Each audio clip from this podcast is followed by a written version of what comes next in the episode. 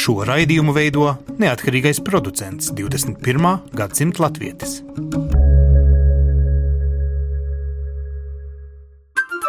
Lai kur mēs būtu, Lai kur mēs būtu, Lai kur mēs būtu, Lai kur mēs būtu, Tie esam mēs. tie esam mēs. mēs Tie esam mēs. Mēs. Tas ir par mums. Tas ir par mums. tas ir par mums. Sveicināti raidījumā 21. gadsimta latvieši. Šodien turpināsim sēriju par to, kā mēs attiecamies pret tiem, kuri iespējams nekad jau vairs nedzīvos Latvijā, bet ir ar vienu ar Latviju saistīti cilvēki. Pēdējā laikā Latvijas valsts, lai arī no likuma gara viedokļa mums ir dubulta pilsonība un aicinām šajā pulkā pievienoties arvien vairāk cilvēkus, mēdz izsūtīt arī vēstules dažiem Latvijas pilsoņiem par to, ka viņiem faktiski pilsonība būs jāatņem, ja neatteiksies paši. Kas tas par dīvainu gadījumu? Likuma burts neatbilst tai likuma domai, ko mēs vēl paši pirms kādiem pieciem gadiem tikai radījām. Šodien mēģināsim saprast to patiesību. Ritvars Jansons ir pilsonības komisijas eh, vadītājs, tātad saimnes deputāts. Eh, Sveicināti! Labdien. Eh, Zane Zemule ir tā nosacīta ļaudā ierēdne, kas sūta pilsonības migrācijas lietu pārvaldes šīs atgādinājumu vēstules. Sveiki, Zane! Sveicināti. Un mūsu eksperts Kristīna Saulīts, Pasaules Brīvo Latviešu apvienības vadītāja. Mums gan jāsāk ar tādu mazliet emocionālu stāstu no mm, Krievijas Latviešu kongresa vadītājas Laumas Lasovas. Viņas ģimene pati, bet arī citi Krievijā dzīvojoši Latvijas un Krievijas dubultpilsoņi saņem šādas dīvainas vēstules. ka vainīgi tagad ir tie uh, Latvijas pilsoņi, dubultpilsoņi, kuri tajā laikā bija bērni. Tas ir laika periodā no 92. līdz 95. gadam, kad pastāvēja pārējais eh, likums pilsonības. Un uh, tur tiešām bija tāds punkts, kad uh, bērni izaugot, sasniedzot pilngadību, bet ja viņi mācās tad līdz 25 gadu vecumiem, viņiem i- pēc tam ir jāizvēlās pilsonību, nu tā kā viņi tā kā nebūtu vairs dubult pilsoņi. Pirmkārt, likums tagad ir mainījies.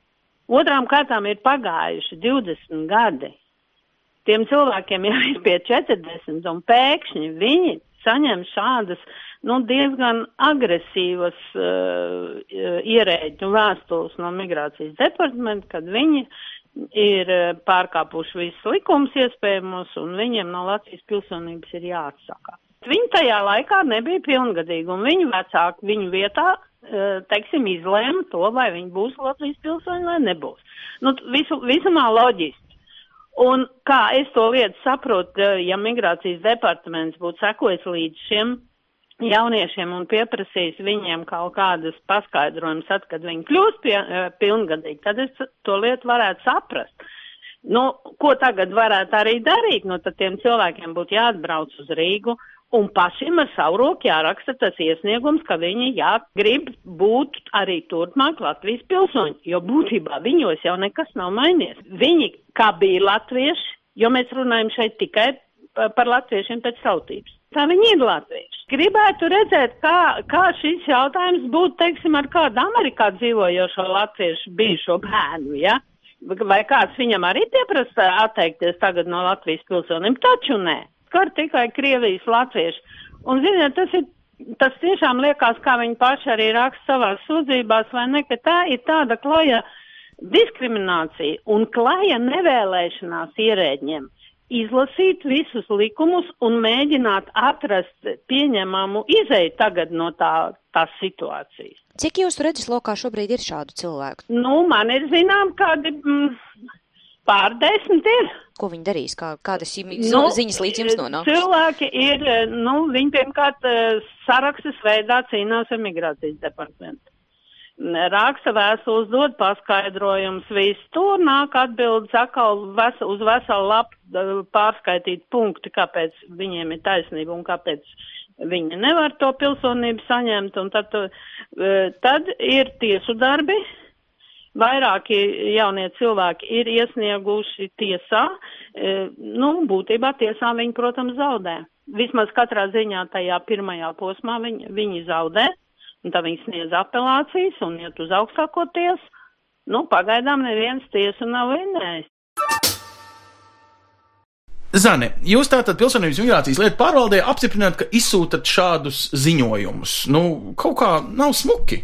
Pilsoņus vienā pasaules malā, īrijā, Amerikā mēs mēģinām rekrutēt, lai viņi piesakās vismaz dubultpilsonībā, un otrā pasaules malā mēs viņus atvainojiet atšujam. Es varbūt gribētu sākt ar to, ka saskaņā ar pilsonības likuma nosacījumiem dubultā pilsonība ir pieļaujama Latvijas pilsonim, kurš ir iegūs Eiropas Savienības dalību valsts mm -hmm. pilsonību, Eiropas brīvās tirsniecības asociācijas dalību valsts pilsonību, NATO dalību valsts pilsonību un uh, Austrālijas, Brazīlijas un Jaunzēlandes pilsonību. Tātad, Tātad sauksim, kā ir, Krievijas latvieši ir īpašā statusā. Tā varētu teikt, bet uh, saskaņā ar pilsonības likuma nosacījumiem dubult pilsonība ar iepriekš neminētajām valstīm, kā piemēram ar Krieviju, ir pieļaujama tikai noteiktam personu lokam, proti bērniem, kuri cits valsts pilsonību, piemēram, Krievijas, ir iegūši būdami nepilngadīgi, un šajā gadījumā dubultā pilsonība ir iespējama līdz 25 gadu vecumam. Un tagad daži tie toreiz bērni sasniedz šo vecumu, kad bija jāizdara izvēle, izvēle nav izdarīta, un jūs esat tie bargie, kas sūta atgādinājumu, vai nu tu izdari izvēli, vai mēs tavā vietā. Bet uh, pilsonības Jā. migrācijas lietu pārvalde konsekventi ievēro likumu. Nevar vainot nec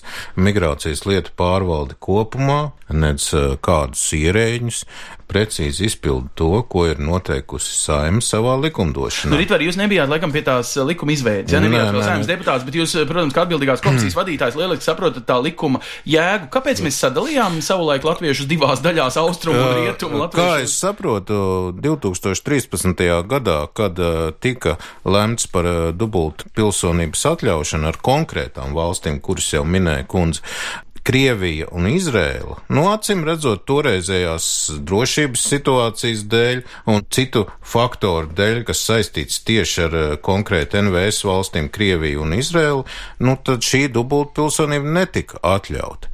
Un uh, līdz ar to izveidojās, nu, dažāda šī situācija, un kas attiecas uz Krieviju, tad es domāju, ka tā drošības situācija pēc 2013. gada saistībā ar to, ka ir noticis uzbrukums Ukrainai Ukrainai 14. gadā karš būtībā, ar to, ka Krievija rīko uh, agresīvas uzbrukošas mācības Latvijas pierobežā, nu, viņa nav uh, citādāk šī drošības situācija. Jums ir sajūta, ka Latvijas dubultpilsonis, kuram ir arī Krievijas pilsoņu pasi, automātiski ir putinists un tā tad ir bumba ar laika degla Latvijas Nē. sabiedrībai, ja Nē. viņš pārceltos uz šeit? Nē, katrā ziņā mans uzskats, ka tas ir uh, riska faktors eh, šī dubultpilsonība ar Krieviju tieši drošības apsvērumu dēļ. Kāpēc? Tāpēc, ka šiem cilvēkiem arī 25 gadi, ja, mm -hmm. kuriem ir jāizšķirās, diemžēl viņu nelaime ir tā, ka viņi dzīvo valstī, Krievijā mm. ar autoritāru režīmu. Šis, šis autoritārais režīms ir ar pietiekoši lielām svīrām, lai varētu manipulēt ar tiem cilvēkiem, kas ir viņa atkarībā. Nu, ja Bet cilvēks, izmanto jā. šo dubultpilsonības statusu. Nu, jā. piemēram, es zinu kādu jaunu dāmu tieši ap 25 gadiem. Viņas vecās bija izsūtīts Omskas apkaimē, viņas tēvs vēl aizvien dzīvo Omskā. Viņas brālis tagad dzīvo ar visu dubultpilsoņu statusu šeit, Latvijā, ar visu mm. savu Krievijas mm. pilsonībā aprecēto sievu. Viņas, eh, nu, tātad brāļa māsa, šī jaunā dāma ar Latvijas pasi, tātad pieeju Eiropas brīviem tirgum, dzīvo Kanārijas salās. Jo tas bija viņas, mm. nu, plāns, kā mhm. izbēgt no Putina Krievijas. Vai Latvijas Latvijas republikas pasa dažiem nav glābiņš no šī autoritārisma. Uh, bet uh, katrā ziņā viņiem šis glābiņš ir iespējams jebkurā gadījumā, jo pastāv iespēja atteikties no Krievijas pilsonības, pastāv iespēja dzīvot uh, Latvijas republikā, kā Latvijas republikas pilsonība, un pastāv iespēja dzīvot arī Eiropas Savienības valstīs, piemēram, kā Latvijas pilsonība nedzīvot Krievijā. Kristīna, politisks jautājums. Kā tad sanāk? Pasaules brīvo latviešu apvienībā ietilpst arī Krievijas latviešu kongress, tātad uh, pasaules brīvie latvieši Krievijā nav brīvi. Jā, tā sanāk tāda var, mazliet paradoxāla situācija, bet ir vērts šī gadījumā pieminēt vēsturi vēsturi, kādā veidā Krievijas Latviešu kongress iestājās Pēbalā. Aha. Tas bija laikos, kad, ja nemaldos, vadītāji bija Vaira Paigle, Pēbalā priekšsēdi. Mm -hmm. Un tanī brīdī bija tā, ka Krievija īsti nu, nekur neiederējās, nevienā vietā, neviens viņu negribēja. Un tad, tādā brīdī, lai vienkārši nu, būtu sadarbība ar tautiešiem un izglītības jomā un kultūras jomā, tad PBLA aicināja, nu, varētu teikt, burtiski savā paspārnē šo Krievijas Latviešu kongresu. Tā kā, jā, tas dīvaini skan Pasaules Brīvo Latviešu apvienība ir viena no dalību organizācijām, ir zeme, kur varētu teikt, nav brīva. Jā. Tas nedomāju, ka tas būtu nepareizi teikts, bet no vēsturiski tā sanāk, ka šie cilvēki pievienojās, un ir daļa, daļa no mums, varbūt to tā grūti, grūti nodefinēt, bet um, viņi ir noteikti daļa no Pasaules Brīvā Latviešu apvienības. Tātad jūs patiesībā piekrītat pozīcijai, ka šobrīd nu jau laikam piecus gadus šis dubultpilsonības likums kā realitāte mums, nu, būtībā šo dalījumu vēl saglabā, un laikam tiešām ģeopolitiski mēs redzam, ka bija kaut kāda laikam jēga tomēr šo dalījumu saglabāt, jo debatas toreiz pirms pieciem gadiem es atceros, bija ļoti tāda villas izmešana, teiksim, ka tā nedrīkst dalīt latviešus. Būtībā mums acīm redzot, Krievijas ģeopolitikas pašas dēļ nāksies vēl tuvākos gadus, nu, saglabāt šo politisko Latvijas pozīciju, vai ne? Tā ir samērā nu, sarežģīta situācija, bet, kā Jansona kungs skaidroja, tad tas nav bez iemesla. Mm. Diemžēl katrai lietai ir savas uh, konsekvences, bet arī es gribu pieminēt, teiksim, tādas zemes kā Austrālija un Jaunzēlanda arī nebija automātiski pieskaitītas šai dubultpiesulnības lokam, jo nav ne daļa no Eiropas Savienības, ne NATO. Bet tur ir tas uh, punkts par to, ka latvietim, kas pierāda, ka viņam ir latviešu saknes, tad atliek tikai izziņu no Latvijas arhīva izdrukāt un paserokā. Ne, tur īstenībā notika ļoti liels lobby darbs tieši no, no latviešiem, kas ir dzimuši Austrālijā. Mm. Labi, bet tagad uh, par reālo situāciju, kāda tā ir. Tātad pilsonības migrācijas lietu pārvalde vairākiem, nu, būsim precīzi, tikai faktiski Izrēlā un Krievijā dzīvojušiem dubultpilsoņiem sūta draudu vēstuli. Tā to būtu godīgi teikt? Es neteiktu, ka tās ir draudu vēstules. Tātad um, brīdī, kad pilsonības migrācijas lietu pārvalde konstatē, ka Latvijas pilsonis ir iegūst tādas valsts pilsonību, ar ko dubultā pilsonība nav pieļaujama, un konstatējam to, ka šis te Latvijas pilsonis nav nedz Latvijas trimdinieks, ne to pēcnācējs, ne arī latvietis, kurš reģis- reģistrējas Latvijas pilsonību pēc tā 2013. gada 1. oktobra, tad mēs uzsākam Latvijas pilsonības atņemšanas procesu un, protams, arī informējam par to Latvijas pilsoni, izskaidrojam to, ka atbilstoši pilsonības likuma nosacījumiem dubultā pilsonība nav pieļaujama un a, dodam iespēju personai sniegt savu viedokli, kā arī iesniegt dokumentus, kas apliecina, ka, piemēram, personai nav pamata atņemt Latvijas pilsonību. Nu, Tas ir, ka viņš, piemēram, atsakās pats no tās otras, Jā, citas Izraels vai. Krievijas pilsonības. Jā. Ir tādi gadījumi, ja cilvēki vairāk izšķirās, tad saglabāt to savas reālās mītnes zemes pilsonību, nu, kaut kādā praktiski iemesla dēļ. Ir bijuši arī gadījumi, kad persona izvēlas par labu atteikties no otras valsts pilsonības, piemēram, Krievijas vai Ukrainas. Sakiet, mēs te šausminamies par uh, uz vienas rokas pirkstiem vai uz autobusiem gadījumu. Cik daudz Latvijas valstī šobrīd nākas izpildīt šādu šo savu likumu? Saskaņā ar pilsonības migrācijas lietu pārvaldes statistikas datiem, tad Latvijas pilsonībā pagājušā gadā tika atņemta 207 personām, savukārt ā, 202 ā, personas pašas atteicās no Latvijas pilsonības, jo ir iegūta vai nu nepieļautās valsts pilsonība, vai ir iegūta pieļautās valsts pilsonība, vai arī personai tiek garantēta citas Un valsts pilsonība. proporcionāli tiem, cik savukārt piesakās Latvijas dubultpilsonībā, šis ir liels zaudējums Latvijas, nu, piemēram, saimnes vēlēšanās. Es gribētu teikt, ka tas skaitlis nav liels, jo Latvijas pilsonību mēs reģistrējam um, katru gadu aptuveni līdz 7000. Tātad eh, 7000 jaunpienācēji, 200 zaudētu pilsoņu. Ritvar, jūs saimā esat mm. saņēmuši šo, nu, var teikt, lūgumu no Krievijas latviešiem. Es pieņemu arī Izraels iedzīvotājiem, kuri saka, nu, noregulējiet likumu, nu, nav godīgi. Vai jūs esat, eh, es saprotu, apņēmības pilni pēc nākamajām saimnes vēlēšanām vērt vaļā un kaut ko tomēr regulēt šai principā? Mm, jā, kā saimnes pilsonības komisija ir uzklausījusi gan Lāsovs kundzi, gan ir saņemti atsevišķi iesniegumi no pilsoņiem, kas vēlas saglabāt uh, Izraels un Latvijas dubultu pilsonību. Jāpasaka uzreiz skaidri un gaiši, ka līdz eh, nākošās saimnes vēlēšanām, līdz šā gada oktobrim, pilsonības likums noteikti netiks atvērts. eh, Nu, vienkārši, lai neiebalsotu un neizvērstu tādas diskusijas, kas, nu, faktiski nolīdzina to situāciju, ka Latvijas pilsonība tiek pilnīgi dāvināta. Ja? Pilsonība tomēr ir vērtība, kas ir pilsonības likumā stiprinām. Tad, tad nākošā saima, protams, ir vairāki jautājumi, ne tikai kas saistīti ar Krievijas, latviešiem, Izraēlas un Latvijas dubultu pilsonību, bet mums parādās arī situācijas, kad pilsonību apgrūtināti ir iegūt, piemēram, nu, Venecuēlas pavalsniekam, Ja? Kuram ir grūti pierādīt, kur, ka ir latvietis, vai kurš, kas ir viņa grūtība? Kurš nevar iegūt Latvijas pilsonību, lai gan ir precējies ar Latvijas pilsoni, perfekti zina latviešu valodu, visas iespējas būt naturalizēties. Bet šajā gadījumā, nu, Venecijas valsts vienkārši pilsonību neļauj.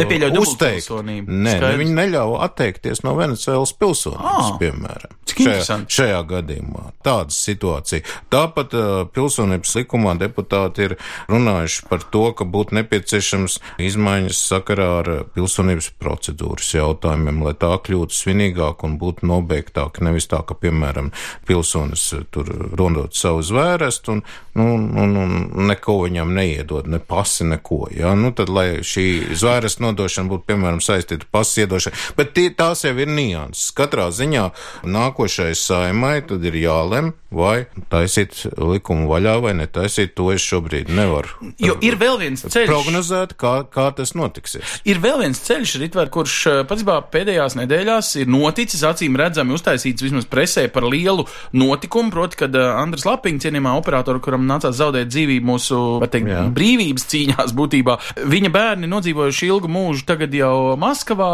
nu, ar īpašu lēmumu un saimas konceptuālu piekrišanu, mm. tā tad, mm. nu, es nesaku ārpus likuma, un tomēr ārpus tradicionālās procedūras varēja saglabāt Latvijas pilsonību. Tad, ja mums ir 20 gadījumi, tad izvērtējot, kurš ir, es atvainojos par tiešumu čekists un kuram savukārt ir liela nopelna Latvijas vai demokrātijas labā, tomēr, nu, es nezinu, vai dāvināt, bet saglabāt pilsonību Nē, tā tad šai, šajā gadījumā tā nav dāvināšana. Šajā gadījumā tas tiešām ir ministra kabineta kompetence, kur noteicis arī pilsonības likums, tātad ar sevišķu ministru kabineta rīkojumu var saglabāt šo šo dubultu pilsonību, bet nav nekur skaidri noteikti tie kriteriji un mehānismus, kuros gadījumos ja, tas nepieciešams. Nu, šajā gadījumā, nu, protams, ar slapiņa bērniem var uh, interpretēt tā, ka viņiem jāierodās šeit noteikti uz piemiņas pasākumiem, mm. barikāžu un tam līdzīgi, bet es domāju, ka arī līdzīgi var atrisināt arī, nu, jautājums, kas, kas saistās ar dubultu pilsonību citos gadījumos,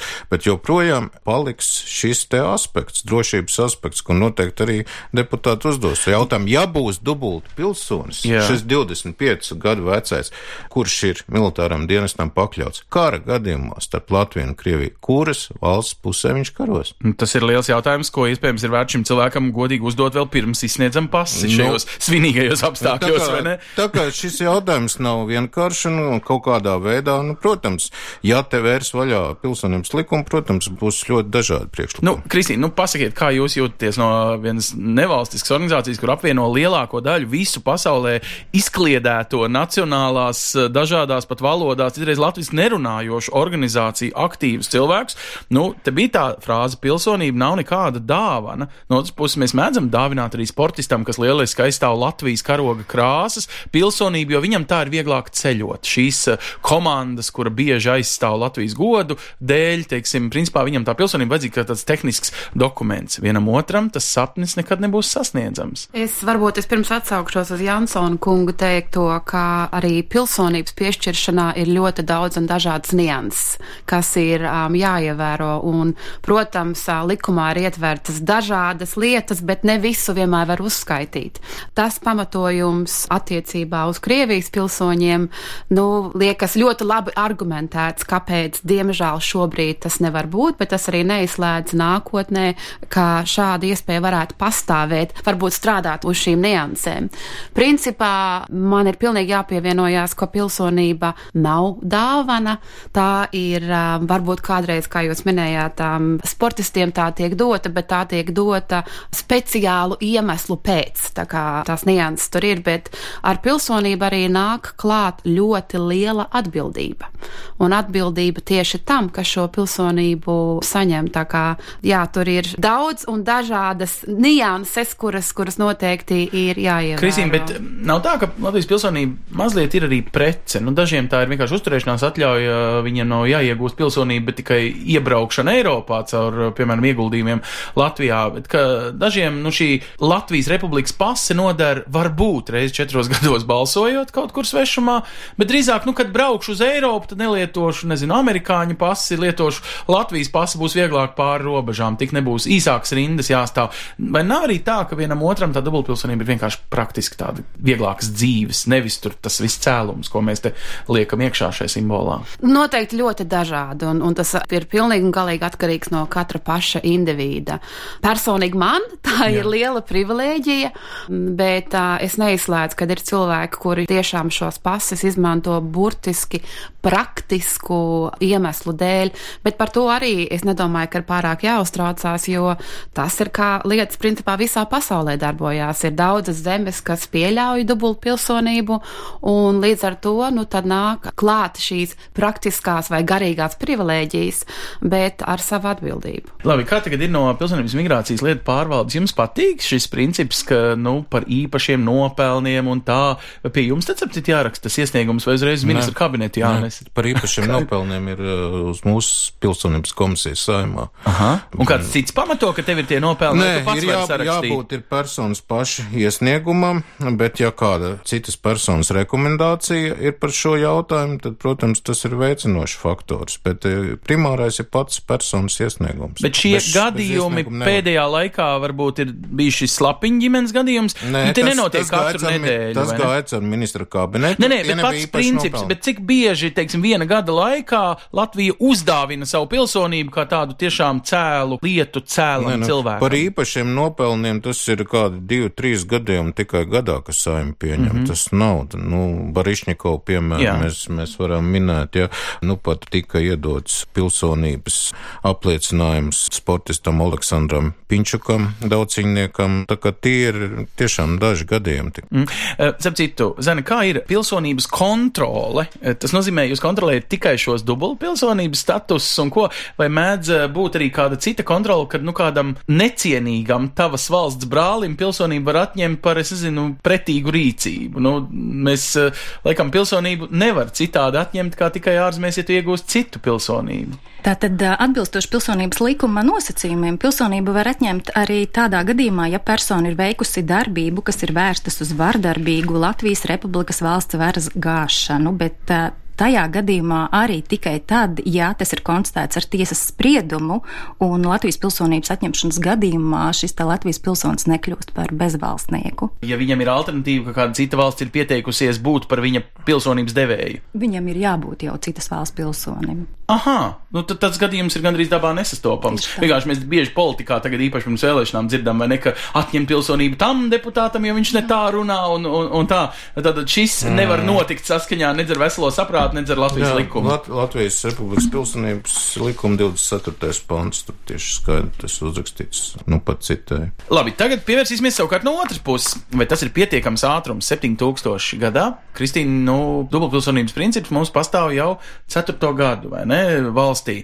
Tātad mums ir 47, nu jau kā 28 tūkstoši jaunu līdzpilsoņu nākuši klāt. Pietiekams ātrums diaspora tādā veidā iesaistās vairāk Latvijas kaut kādā ikdienas lietu lemšanā? Es gribētu domāt, ka iesaistās un ka šis skaitlis turpinās augt, jo uh, informācija par to, ka ir iespēja pieteikties uz dubultpilsonību, jo joprojām ļoti aktīvi tiek reklamēta vispār plašajā pasaulē.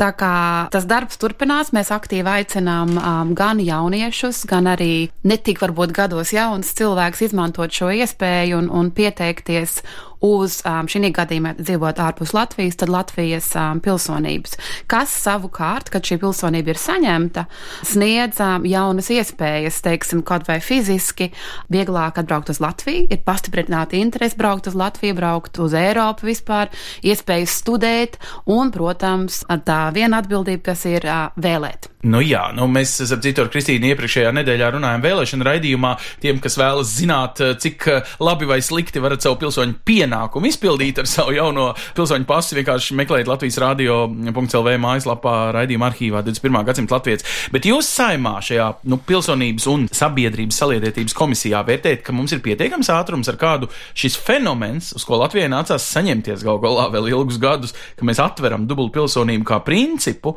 ka viņu mēs tiešām arī nu, baudam to, un Latvija iegūst sev jaunus atbalstītājus pasaulē, jaunus vēlētājus saimā. Par to skaitu mēs ļoti labi saprotam, ka mēs nespējam kaut kā viņu mākslīgi palielināt šobrīd, jo, kā es teicu, līdz vēlēšanām likums pilsonības netiks atvērts, mm. mēs drīzāk rūpējamies saimā par to, lai būtu pieejams vairāk vēlēšanu, tiesības un viņu izmantošanu. Piemēram, ar Centrālo vēlēšanu komisiju notiek pārunas un aktīvi darbojās Latvijas vēstniecības ārvalstīs. Nu, pat, piemēram, ir Vācijā mūsu Latvijas vēstniecība panākusi to, ka ir divas papildus vēl iespējas vietas balsot ārpus vēstniecības un konsulārajām telpām, tātad Freiburgā un Minsterē.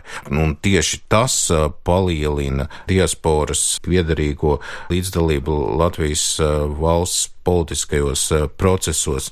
Nākotnē noteikti ir jādomā par to, piemēram, par šo, kas ir minēts vairāk kārt par atsevišķu vēlēšanu iecirkni tieši ārvalstīs dzīvojošiem, jo šobrīd Centrālā vēlēšana komisija strādā pie tā, lai būtu pēc iespējas atvieglināta iespēja balsot eh, ārvalstīs Eiropas eh, parlamentu vēlēšanās. Nu, respektīvi, pat ja tu pēkšņi izdomā mainīt vēlēšanu iecirkni, tu vari aiziet uz tuvāko vēlēšanu iecirkni, zinot, kāda ir mobilitāte, mm. piemēram, Eiropas Savienības valstīs, tu vari iet uz šo vēlēšanu iecirkni, un tad uh, tu vēlēšana iecirknis sazinās ar to vēlēšanu iecirkni, kur tu esi jau pieteicies, un ja tu tur neesi nobalsojis, tad tev ļauj balsot, piemēram, Briselē, nevis Berlīnē. Berlīnē. Nu, jā. Ja?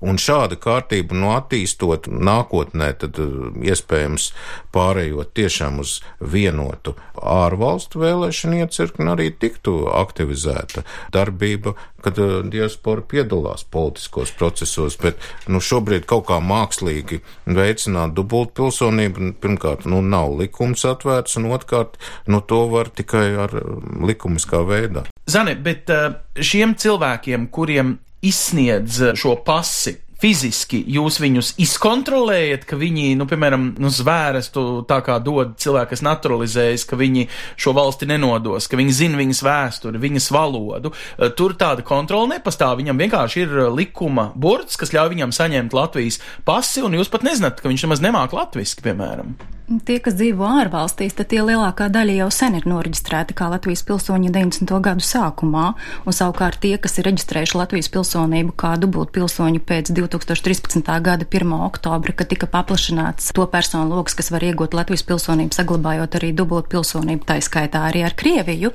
Tātad ir viena persona kategorija, kurai nemaz latviešu valoda nav jāapliecina, mm -hmm. tie ir Latvijas trimdnieki un to pēcnācēji, kuri dzimuši līdz 2014. gada 1. oktobrim, savukārt tie, kas pretendē uz Latvijas pilsonību pēc 2013. gada 1. oktobra kā la etniskie latvieši vai līvi, tad tiem, lai iegūtu Latvijas pilsonību, ir jāapliecina gan sava latviešu valodas praksme sadzīviskā līmenī, gan arī dokumentāri jāapliecina, ka kāds no priekščiem savulaik ir dzīvojis Latvijā laika periodā no 1881. gada līdz 1940. gadam. Kā viņš apliecina latviešu valodas prasmi, ja pie viņa atbrauc konsuls ar nu, digitālu pases pasūtīšanas iekārtu? Persona Latvijas pilsoņu pase vai identifikācijas karti var noformēt tikai tad, kad tas jau ir persona jau ir iegūst Latvijas pilsonību. Tātad pieteikties uz personu apliecinošu dokumentu var tikai tad, kad cilvēks jau ir noreģistrēts par Latvijas pilsoni. Tātad sanāk tā, patiesībā šis pasu galds palīdz pagarināt pases, bet to reālo procesu var nākties tomēr ierasties fiziski Latvijā un iziet visu šo procedūru nu, ar personīgu klātbūtni. Tie, kas vēlas iegūt Latvijas pilsonību kā latviešu vai līvi, tad tiem ir obligāti jāpliecina savu latviešu valodas prasmi, un latviešu valodas prasmes pārbauda notiek Latvijā pilsonības migrācijas lietu pārvaldes iestādē. Un ja viņš ir līvis, tad jūs arī līvu valodā pārbaudat? Viņam ir jāpliecina sava latviešu valodas prasme, bet cik es atminos praksē, tad nav bijis, ka mēs kādu līvu būtu noreģistrējuši par Latvijas pilsoni. Jā, paša līvi arī nemaz neprot līvu valodu. Skaidrības labad es varu pateikt Protams. to, ka uh, dubultā pilsonība ar jebkuru valsti, tā skaitā Krieviju, Izrēlu, ir pieļaujama Latvijas trimdiniekiem un to pēcnācējiem, kas ir dzimuši līdz 14. gada 1. oktobrim, kā jau minēju, latviešiem un līviem, kuri reģistrē Latvijas pilsonību pēc 2013. gada 1. oktobra. Tas nozīmē, ka jūs man gandrīz sakat tā, ka pat ja tev sākumā atņem, tev ir vēl cits ceļš, kā tu pie pilsonības vari tikt. Diemžēl nē. Latvijas pilsonību var iegūt tikai tie pēc 2013. gada 1. oktobra, kuri nekad nav bijuši reģistrēti iedzīvotāju reģistrā kā Latvijas pilsoņi. Tad vispār tu reģistrējies it kā izdzēsts, jo tev atņēma pilsonību, bet eh, fakts, ka tu tur reiz esi bijis ir vēl saglabāts, un tā tad vēlreiz pretendēt caur sētas durvīm. Tie, kas neizdosies. ir uh, savulaik atteikušies no Latvijas pilsonības, jo ir iegūta tādas valsts pilsonība, ar ko nav pieļaujama dubultā pilsonība, piemēram, Krievijas, par ko mēs šeit runājam, tad uh, šīm personām ir iespēja iegūt Latvijas pilsonību tikai naturalizācijas kārtībā, Latvijā nodzīvojot piecus gadus ar pastāvīgu uzturēšanās atļauju, un tad nokārtojot visus eksāmenus, gan latviešu valodu, vēsturi un atsakoties no Krievijas pilsonības pilsonības. Tātad, kā jau minēju, pilsonības likumā ir tikai noteikts personu lokus, kuras var būt dubult pilsoņa ar jebkuru citu valsti. Mēs pagājušajā raidījumā, kad runājām par šo dalību vēlēšanās, redzējām, ka pret tiem 128 tūkstošiem, kas varētu no ārzemēs dzīvojušiem latviešiem nākt uz vēlēšanām, pats bāt nāk kā 10-12%. Tad, ja cilvēkam šī pilsonība ir vajadzīga tikai kā brīvas ceļošanas ērtība, un viņš savus personas pienākumus pret valsts piedalīšanos vēlēšanās nepilda. Nu, tas var kļūt arī par tādu lielāku argumentu, kāpēc šajā virzienā kaut ko pieregulēt vai nepieregulēt jaunajās likuma izmaiņās. Nu, katrā ziņā jāpārskata vēlēšana iecirknis kopumā. Vispār ne, ne, nerunāju tikai par ārvalstīs balsojušiem, bet uh, arī par Latvijā balsojušiem. Nu, protams, ka ir redzama šī atšķirība. Ir aktīvāki vēlēšana uh, novadi, kuri balso, un mazaktīvāk. Un, piemēram, nu, tā vecā sistēma, ka deputātu mandātu skaitu nosaka pēc deklarēto vēlēšanu apgabalā cilvēku skaitu, nu, viņi galīgi nestrādā. Mēs redzam, ka Rīgā ir ļoti daudz cilvēku sadeklarējušies, bet viņi jau reāli ne šeit dzīvo, ne, ne balso. Un tad uh, risinājums ar šo atsevišķo ārvalstu iecirkni būtu tāds labs rādītājs un arī mobilizācija tiešām ārvalstīs dzīvojušiem diasporas cilvēkiem balsot un ievēlēt tieši savus pārstāvis saimā, piemēram. Viņam būtu tieši savu pārstāvi. Jā, bet tas jau ir, varētu teikt, cita raidījuma stāsts. Nāks vēlēšanas, nāks arī uh, kaismīgāks debats, protams, par šiem principiem. Tik tālu es saku lielu paldies gan Ritvaram Jansonam, pilsonības komisijas vadītājiem Saimā, Zanē Zēbotē no pilsonības migrācijas lietu pārvaldes un Kristīnai Saulīts, Pasaules Brīvo Latviešu apvienības vadītājai šeit uh, Rīgā. Nu, lietas, kā teikt, ir jāsliek pa īstiem plauktiņiem. Iespējams, ka vienam otram šis ir bijis rūkts mirklis saņemt šo vēstuli, bet, uh, ja drīkst tā secināt, proporcionāli kopējai latviešu lietai, tas rūgtums nav uz dubultpilsonību kā tādu, bet tikai uz atsevišķu virzienu, kur ir ģeopolitiski iemesli. Ja es pareizi visu savelku kopā. Labi, tagad uh, mazs uh, skubinājums jums ir taču lieldienu laiks, un jūs visdrīzāk domājat par to, kā latviskā veidā pavadīt lieldienas ar savējiem, lai kur jūs arī būtu, lai cik tālu, bet kaut kur jūsu kontinentā, nu varbūt tikai pāris tūkstošus kilometru no jums, taču ir kāds latviešu centrs. Te lūk, kā latvieši svinēs lieldienas apkārt pasaulē. Uz redzēšanos! Tiekamies pēc nedēļas! Priecīgus svētkus!